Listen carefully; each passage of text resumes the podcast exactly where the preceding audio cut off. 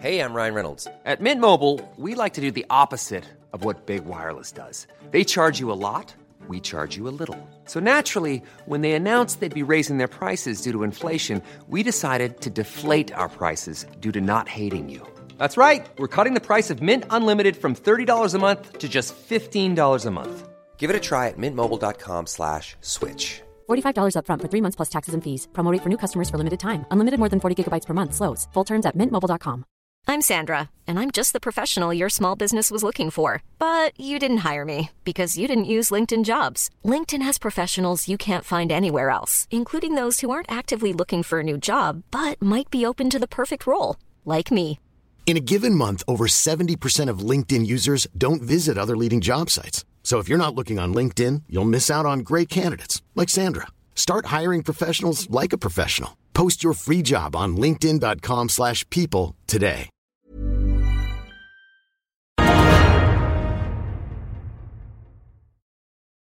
Velkommen til Økonominyhetene og vår morgensending tirsdag. I dag skal vi ta dere gjennom de asiatiske markedene. Vi skal se på oljeprisen sammen med sjef for globale oljemarkeder i Rysta Energy, Bjørnar Tonehaugen. Før vi går videre til Oslo Børs og får en børskommentar fra sjefstrateg i Nordea Markets, Erik Bruse.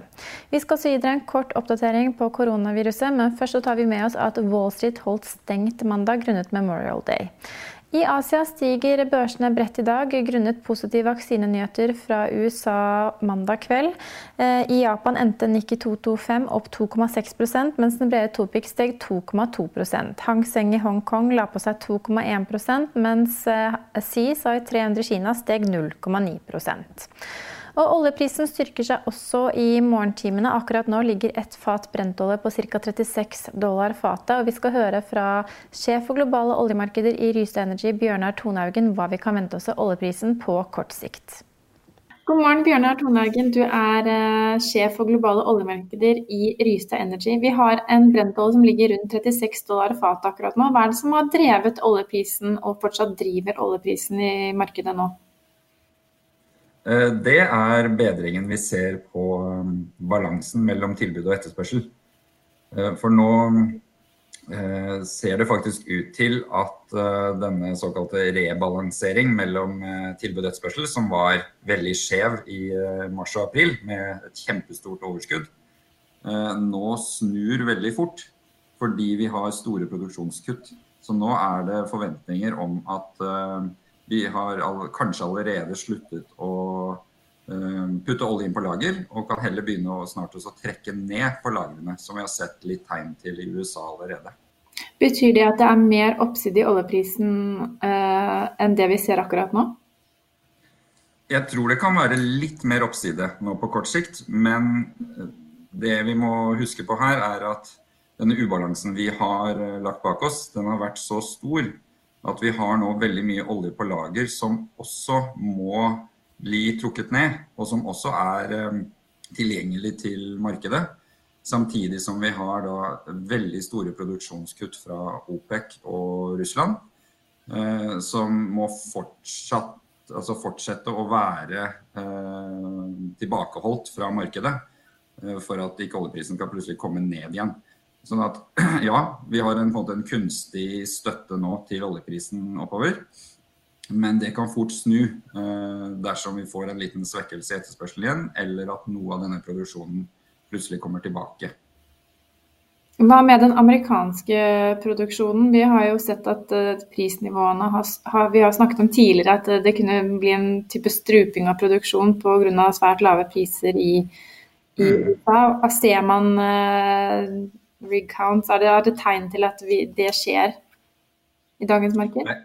Ja, altså det, det, vi helt klart har sett, både på rig counts, som du sier, og også når vi um, teller hvor mange frack crews som uh, kompletterer brønner uh, i USA uh, hver eneste dag, så har dette kollapset helt enormt. kanskje det raskeste kollapsen vi noen gang har sett i, i den industrien. Eh, og det er ikke noe tegn til at eh, det snur oppover ennå.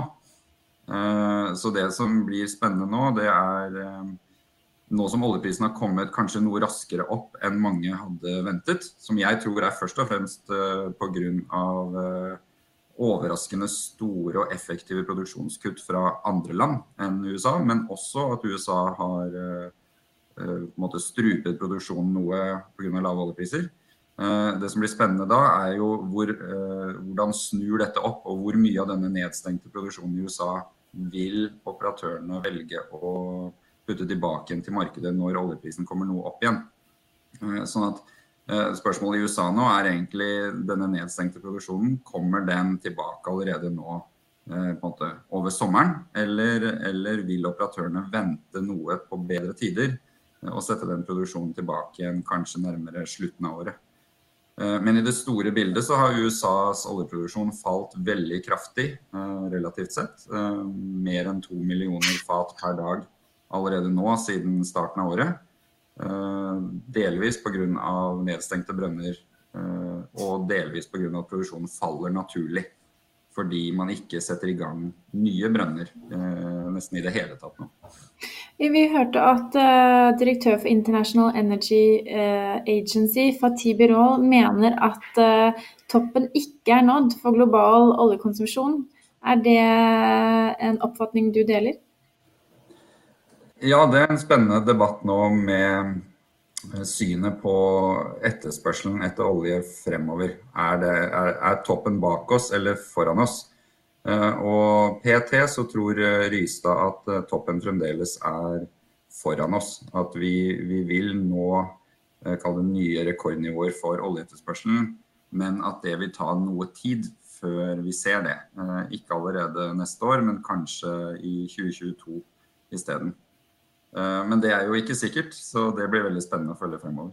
Ja, så, så, De som trodde at koronaviruset vil føre til lavere etterspørsel globalt etter olje og, og også redusere klimautslippene, de må holde an litt før vi får fasit?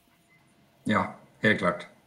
Vi skal over til Oslo Børs, som er opp i dag. Sterkere oljepris. Det er ca. opp 1 dollar fra vi hadde morgensending i går, og ligger på rundt nå 36 dollar fatet. Vi skal også høre at Magnoras inntekter og resultat eh, svekket seg i første kvartal. Selskapet kutter også utbyttet med 0,08 kroner per aksje. BVLPG oppnådde nesten tre ganger så høye rater i første kvartal. Utbyttet kom inn noe under forventning på ca. 0,20 dollar per aksje. Og så skal et islandsk lakseselskap som delvis er eid av norske NTS, være på vei mot Merkur Market for notering rundt 8.6, med en prising på 1,5 milliarder kroner. Vi skal over til sjefstrateg Erik Bruse i Nordea Markets for en oppdatering på hva vi kan vente oss av børsene på kort sikt. God morgen, Erik Bruse, sjefstrateg i Nordea Markets. Eh, hva tror du vi kan vente oss av børsene denne uken? Det ser veldig bra ut på børsene nå. Det ser ut som den eh, spenningen mellom Kina og USA at markedet trekker litt på skuldrene av det. Og det ser ut som det som styrer markedet nå, er eh, om økonomiene greier å åpne opp uten at vi ser noe virusspredning. Og så langt så ser det sånn ut, og da er det positivt for markedet. Så tror eh, vi kan fortsatt se positiv utvikling. Men det er klart, Kina, USA hvis det skulle eskalere, så, så, kan det bli mer negativ stemning. Men sånn som det ser ut nå, så, så er det viruset og eh, tegnet til at økonomiene kan åpne opp uten at vi ser noen ny spredning som, som styrker markedene. Vi har jo også fått uh, små drypp av vaksinenyheter. Uh, senest i går så var det et amerikansk selskap mener jeg, Novavax som var ute og mente at de kunne begynne å teste vaksine. Forrige uke var det et annet selskap som het Moderna. Uh, hvor viktig er eventuelle vaksinenyheter oppi det hele? Jeg tror det er viktig hvis vi får positive vaksinenyheter som, som kan antyde at vi får muligheter for vaksine tidligere, så, så er det positivt. Men jeg tror litt hovedholdningen her er at eh, vi må inn i 2021 før eh, man kan få en bred bruk av vaksiner uansett. Eh, om man greier å teste seg fram til noe som kan, man kan sette i produksjon mot slutten av året. Så jeg tror fortsatt at dette smittetallene, antall nye døde, hvis det holder seg stabilt, ikke viser noe tegn til økning, kanskje til og med går videre ned, når økonomiene nå åpner opp, så, så, er det det som kommer til å være i fokus. Men det er helt klart, eh, skulle vi få positive nyheter for vaksine, så, så er, det jo, er, det jo, bra for markedene. Det er ikke noen tvil om det. Er det riktig å oppsummere det som at eh, april ble lavpunktet for uh, altså Børsfallet kom jo allerede i mars, men, men, april har jo helt klart vært en måned hvor man har sittet i nedstengte økonomier. Var det lavpunktet, eller er det for tidlig å si? Nei, jeg tror at uh, lavpunktet som vi hadde da når børsene var på bunn, tror jeg Jeg tror ikke vi skal ned dit igjen. Det, det har jeg liten tro på. Men det er klart at eh, viruset er jo høyst usikkert. Det kan jo være at vi får en ny bølge med, med smitte og at økonomiene må stenge ned igjen.